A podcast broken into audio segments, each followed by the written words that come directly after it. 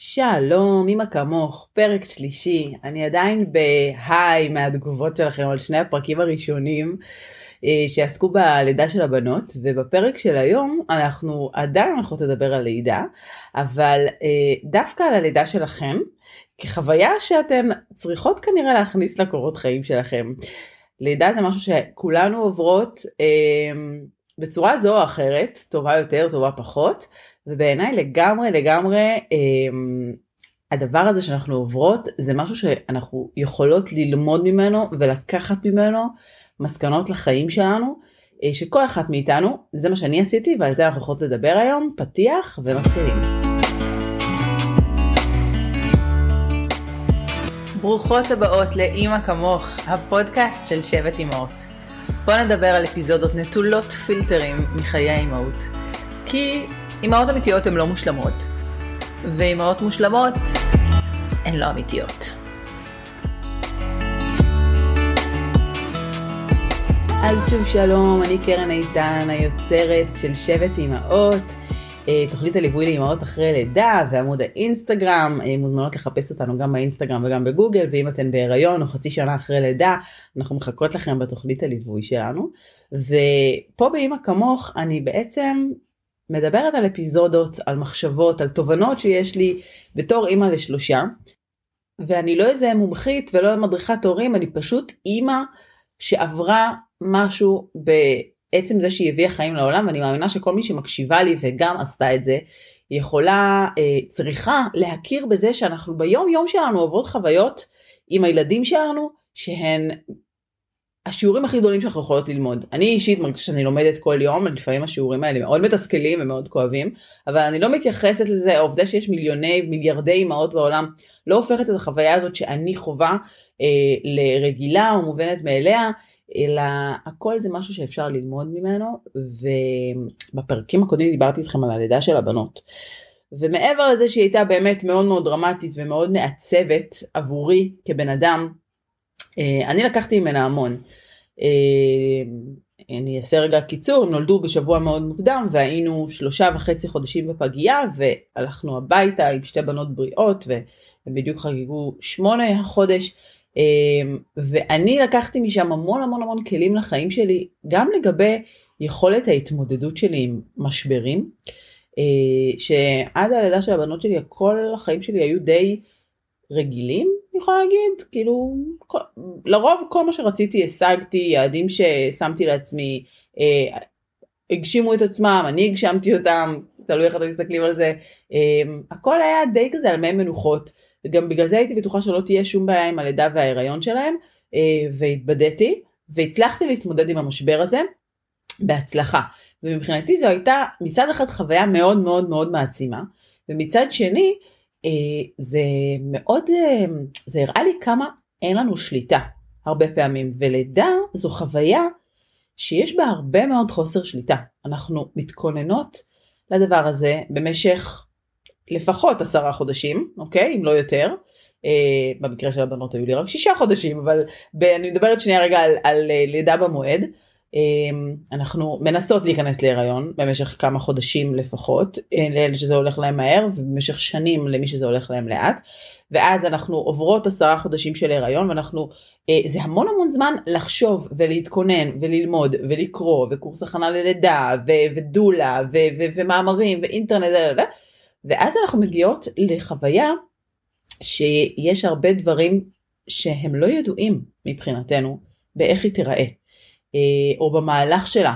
אנחנו יכולות לעשות את כל ההכנות ואת כל הלמידה ואת כל המידע ולהביא איתנו את הדולה אה, ולעשות סקר חדרי לידה ולבדוק מה הבית חולים שאנחנו הכי רוצות ללדת בו ולקבוע אם אנחנו רוצות אפס הפרדה או, או, או ביות מלא או ביות חלקי או לשים את התינוק בתינוקייה ואז את מגיעה והרבה פעמים פתאום יש האטה בדופק והלידה לא מתקדמת ואת מסיימת את הלידה בקיסרי חירום לי זה לא קרה אבל אני קוראת את החוויות של האימהות בשבטים ואני יודעת כמה עבורם זו חוויה מאכזבת וזו חוויה מאכזבת בחוויה שלהם, לא, שזה משהו, לא שיש משהו מאכזב בללדת בקיסרי, אלא כי הם פשוט ציפו למשהו, דמיינו להם מהלך מסוים, וקיבלו משהו שהיה לגמרי לא בשליטה שלהם, ו, ו, וזו, ולמחרת הם קמות, ויש להם תינוק, והן מתאוששות מניתוח וזה ממש ממש לא מה שהם רצו שיקרה, לא דמיינו שזה ככה יקרה. שזה בעצם גם מה שקרה לי בלידה של הבנות שלי, אני ראיתי בייבי uh, בום, דמיינתי איך אני יולדת אותם באמת בלידה מטורפת ו, ובסופו של דבר קיבלתי uh, ש... מחלקת נשים עם נשים שהן ממש לא יולדות לידי, uh, שתי בנות מונשמות ומלאות צינורות ומחטאים בפגייה. Uh, לא, לא חוויתי הריון שלם. אני זוכרת שבמשך חודשים אחרי הלידה שלהם עוד הייתי מסתכלת על נשים בהיריון ואומרת איך איך פספסתי את זה כאילו אני ילדתי באמצע השליש השני עוד בקושי יצא לי בטן. ויש בזה המון המון חוסר שליטה. אז בנוסף לכל העצמה שלקחתי איתי מהלידה גם לקחתי איתי המון תחושה של חוסר אונים. של איזה יכולת יש לי לשלוט בגורל שלי, במהלך של החיים שלי.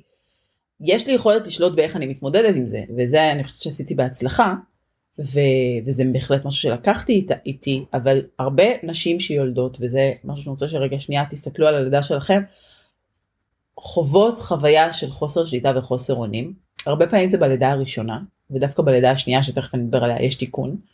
כי אנחנו כבר יודעות מה אנחנו רוצות ואנחנו יודעות מה אנחנו לא רוצות ואנחנו כבר יודעות פחות או יותר לקראת מה אנחנו באות וגם אם הדברים משתבשים בלידה השנייה אז אנחנו כבר מבינות וכבר חווינו את זה זה, כאילו, זה, זה עדיין מאכזב אבל אנחנו אנחנו גם יודעות שאנחנו נתאושש מזה ויהיה בסדר. יש הרבה מאוד כוח ב, אה, בלידה השנייה ובגלל זה הרבה פעמים כשהלידה הראשונה היא לא חוויה מושלמת אנחנו מצליחות לחוות תיקון בלידה השנייה שהוא בעיניי הרבה פעמים נובע פשוט מהידיעה שלנו ומה... מההבנה שלנו מאיך הדברים פחות או יותר הולכים להיראות ומה בשליטתנו ומה לא בשליטתנו. אני לא חושבת שבלידה הראשונה אנחנו מבינות עד כמה אה, אנחנו קשה לנו לדמיין אפילו איך חדר לידה נראה גם אם אנחנו עושות סיור בחדר לידה אין כמו את, את לא נמצאת על המיטה בחדר הלידה ו, ו, וחווה את זה בעצמך וכשזה בפעם השנייה את, את יותר, יותר יודעת לקראת מה את הולכת. בכל מקרה אחרי שאני חוויתי את, ה, את האובדן שליטה הזה בלידה הראשונה ידעתי שאני חייבת חייבת ליצור לעצמי תיקון אני בתור בן אדם משימתי מקדם אמרתי אני חובה הולכת לחוות הריון טוב ובריא ואני הולכת לחוות לידה מעצימה אמ, כל מה שבשליטתי לפחות וזה משהו שלקחתי איתי גם מהפגייה כל מה שבשליטתי אני אעשה. בתקופת הפגייה את לא יכולה להרים את התינוקות שלך אה, בלי שאחות תבוא ותוציא לך אותם מהאינקובטור, את לא יכולה להעניק אותם עד שבוע 35, אה, עד שהן הגיעו לשבוע 35 שזה 11 שבועות אחרי הלידה שלהם, את לא יכולה לקלח אותם גם, כאילו במשך החודשיים הראשונים בפגייה אין שום דבר שאת יכולה לעשות חוץ מלשאוב חלב לעשות קנגרו. וקנגרו זה ה skin to skin שמוציאים אותם מהאינקובטור ושמים אותם עלייך שזה משהו שנאמר לנו שהוא אה, מאוד מחזק אותם, אז זה היה מאוד משימתי. אני יודעת מה אני יכולה לעשות כדי לשפר את המצב שלהם, מה שבשליטתי לפחות, יש דברים שהם לא בשליטתי. אה, אם יש להם דימום במוח, שום קנגרו לא יעזור. אה, אבל, אה, וזה מה שעשיתי, הייתי מאוד משימתית, קנגרו שאיבות, קנגרו שאיבות, זה מה שעשיתי. אז אותו דבר גם, גם עם ה, לקראת הלידה השנייה, אני אמרתי, כל מה שבשליטתי, אני אעשה. ורק אחרי הלידה של הבנות הבנתי כמה קלולס הייתי בכל, ה, בכל המהלך הזה של, של לידה ומה קורה אחרי הלידה. וזו אחת הסיבות שגם נכנסתי להיריון שנה וחודשיים אחרי שהבנות נולדו. עכשיו יש לי תאומות בבית הן בנות שנה ואני מודיעה לאסף שאני רוצה להיכנס להיריון שאני רוצה עכשיו לעשות עוד ילד שאנחנו גם ככה לא ישנים וגם ככה אנחנו בחיתולים ובקושי הזה של, של, של הבנות אה, שהן קטנות בבית וזה הזמן לעשות עוד תינוק. בהתחלה חשבתי שאני משוגעת אבל איכשהו זרם איתי ובאמת נכנסתי להיריון שנה וחודשיים אחרי שהן נולדו וינאי נולד שבועיים לפני יום הולדת שנתיים של הבנות שזה מאוד מאוד מהר ואין לי ספק שהרבה מזה זה הצורך שלי בתיקון. ובאמת בלידה של ינאי, לקראת הלידה של ינאי בדיוק התחיל להתעורר אה, אה, בארץ אה, העניין של האפס הפרדה עוד לא היו מחלקות של אפס הפרדה בארץ, אה, התחילו לדבר על זה בבית חולים מאיר, ואנחנו גרנו ברעננה, זה היה קרוב, אז ככה ממש התחלתי, היא עדיין לא נפתחה, היא הייתה אמורה להיפתח במרץ המחלקה של האפס הפרדה, ואני הייתי אמורה ללדת במרץ, בסוף ילדתי בפברואר, ו... וככה, דבר ראשון שעשיתי, כדי לתקן את חוויית חוסר השליטה מהלידה הראשונה שלי זה זה ללמוד יותר זה לדעת לקראת מה אני באה לה, להבין את כל, ה, את כל ההשלכות. אני באמת אני לא חושבת שידעתי מה זה פג לפני הלידה של הבנות. אני באמת אני לא זוכרת שהיה לי איזשהו מידע על מה זה פג ומה זה ללדת פג שכי בעיקרון זה לא היה רלוונטי לי אה, עד הלידה של הבנות. אז לא הייתה סיבה שאני שאני אדע אבל יש חוויה מאוד מאוד מעצימה ב- בלדעת לקראת מה אתה הולך ולדעת מה האפשרויות ולבחור לא מתוך חוסר ברירה או בגלל שאם אנחנו בלידה הצוות הרפואי אומר לך לבחור איך את רוצה ומה את רוצה. ואז באמת הגעתי ללידה הזאת מאוד מאוד מוכנה. אמ, ואני לא אכנס לכל הפרטים שלה אבל זו הייתה זו הייתה לידה מטורפת כאילו בעוצמות שלה. היא הייתה מאוד מהירה הגענו בשתיים בבוקר לבית חולים בשש בבוקר הוא כבר היה בחוץ. אמ, אחרי חצי שעה של צירי לחץ, כאילו מאוד מאוד מהר הגעתי מפתיחה קטנה ל, לירידת מים ו, ו, וצירי לחץ ופתיחה מלאה ולא הספקתי לקבל אפידורל והייתי מאוד מאוד מאוד מאוד בלחץ מהסיפור הזה של האפידורל, גם את הבנות שנולדו 650 ו-720 גרם ילדתי עם אפידורל ונורא נורא נורא פחדתי אה, ללדת בלי אפידורל, נורא פחדתי מהכאב, ושוב זה עניין של אני לא יודעת כמה זה כואב אז זה נורא נורא מפחיד אותי, אנחנו עוד פעם מגיעות ל, לידיעה. ואז אמ, בגלל שהתפתחו צירי לחץ מאוד מאוד מהר, אמ, לא הייתה ברירה, אמ, המיילדת העלתה אותי על המיטה ואמרה יאללה יולדים. ואני התחלתי את הסבב הראשון של הצירי לחץ, ושמאוד מאוד מאוד מאוד כאבו, והוא לא יצא עדיין, ואז שאלתי אותה, ככה, כאילו, זה, זה הכי כואב שזה יהיה? יהיה יותר כואב מזה? ואז היא אמרה לי, לא, זה הצירי לחץ, אין יותר כואב מזה. ושם הייתה, היה רגע מזכך של הבנה של אוקיי, הנה, עברתי סבב אחד של צירי לחץ, אני כבר יודעת, זה היה כואב, אבל התמודדתי עם זה. אני יכולה להתמודד עם זה. וזה הרגע שהיה שיפט מאוד מאוד רציני, מתחושה, אה, עוד פעם תחושה של חוסר שליטה, שככה הייתה קצת פלשבק ללידה הראשונה, לתחושה של עוצמה, של אוקיי, אני הולכת לעשות את זה. אני יודעת לעשות את זה, אני מסוגלת לעשות את זה. הבנתי עכשיו מה זה ללדת בלי אפידורל, אני יודעת מה זה צירי לחץ, ו... ושרדתי, אז, אז קדימה. בוא, בוא נלד את הילד הזה. ובאמת אחרי משהו כמו שלושה סבבים כאלה, או ש... אני חושבת שסך הכל היו שלושה סבבים של צירי לחץ, הוא נולד בלי אפידורל, בלי קרעים, בלי תפרים, ישר אליי, תחשבו את הבנות לקחו ממני, אני לא, לא ראיתי אותם, ישר הלכו לאינקובטור והובהלו לפגיע ואני ראיתי אותם רק למחרת, הילד הזה יצא ממני ישר אליי כשאני ערומה ומניחים אותו אליי והדבר הראשון שאני רואה זה את הגומה המטריפה הזאת שעד היום מטריפה אותי והתאהבות באותו הרגע ואפס הפרדה. הוא היה איתי מהרגע שהוא נולד ועד היום בערך למרות שילדתי בתל השומר כי מאוד מאוד שמחתי עליהם, אבל עוד לא הייתה שם אפס הפרדה, זה היה, הפרוטוקול הזה עוד לא היה קיים, הם היו עדיין די מיושנים בנושא, אנחנו מדברות על פברואר 2016, והילד הזה היה באפס הפרדה, אני, שמו אותי בכיסא גלגלים אחרי הלידה, הוא בידיים שלי, הובילו אותנו לתינוקייה, שם אה, ביקשתי שלא יקלחו אותו, לא קילחו אותו, וכל זה בגלל ידע שצברתי וקראתי לפני, לפני הלידה, זאת אומרת, ידעתי מה אני רוצה. תבינו איזה תחושה מטורפת זה, זו, זו לאימא שחוותה חוויה של חוסר אונים וחוסר שליטה ו, ותוכניות שמשתמשות בלידה הראשונה ללהיות כל כך כל כך בשליטה. אמ, אז באמת לא קלחו אותו, את החיסונים הוא קיבל תוך כדי שהוא יונק עליי, אה, הוא לא, הוא לא היה לבד. אחרי שהבנות היו 77 ימים לבד, ברור שהייתי שם, אבל כל יום אני הלכתי לישון בבית שלי והם ישנו בפגייה.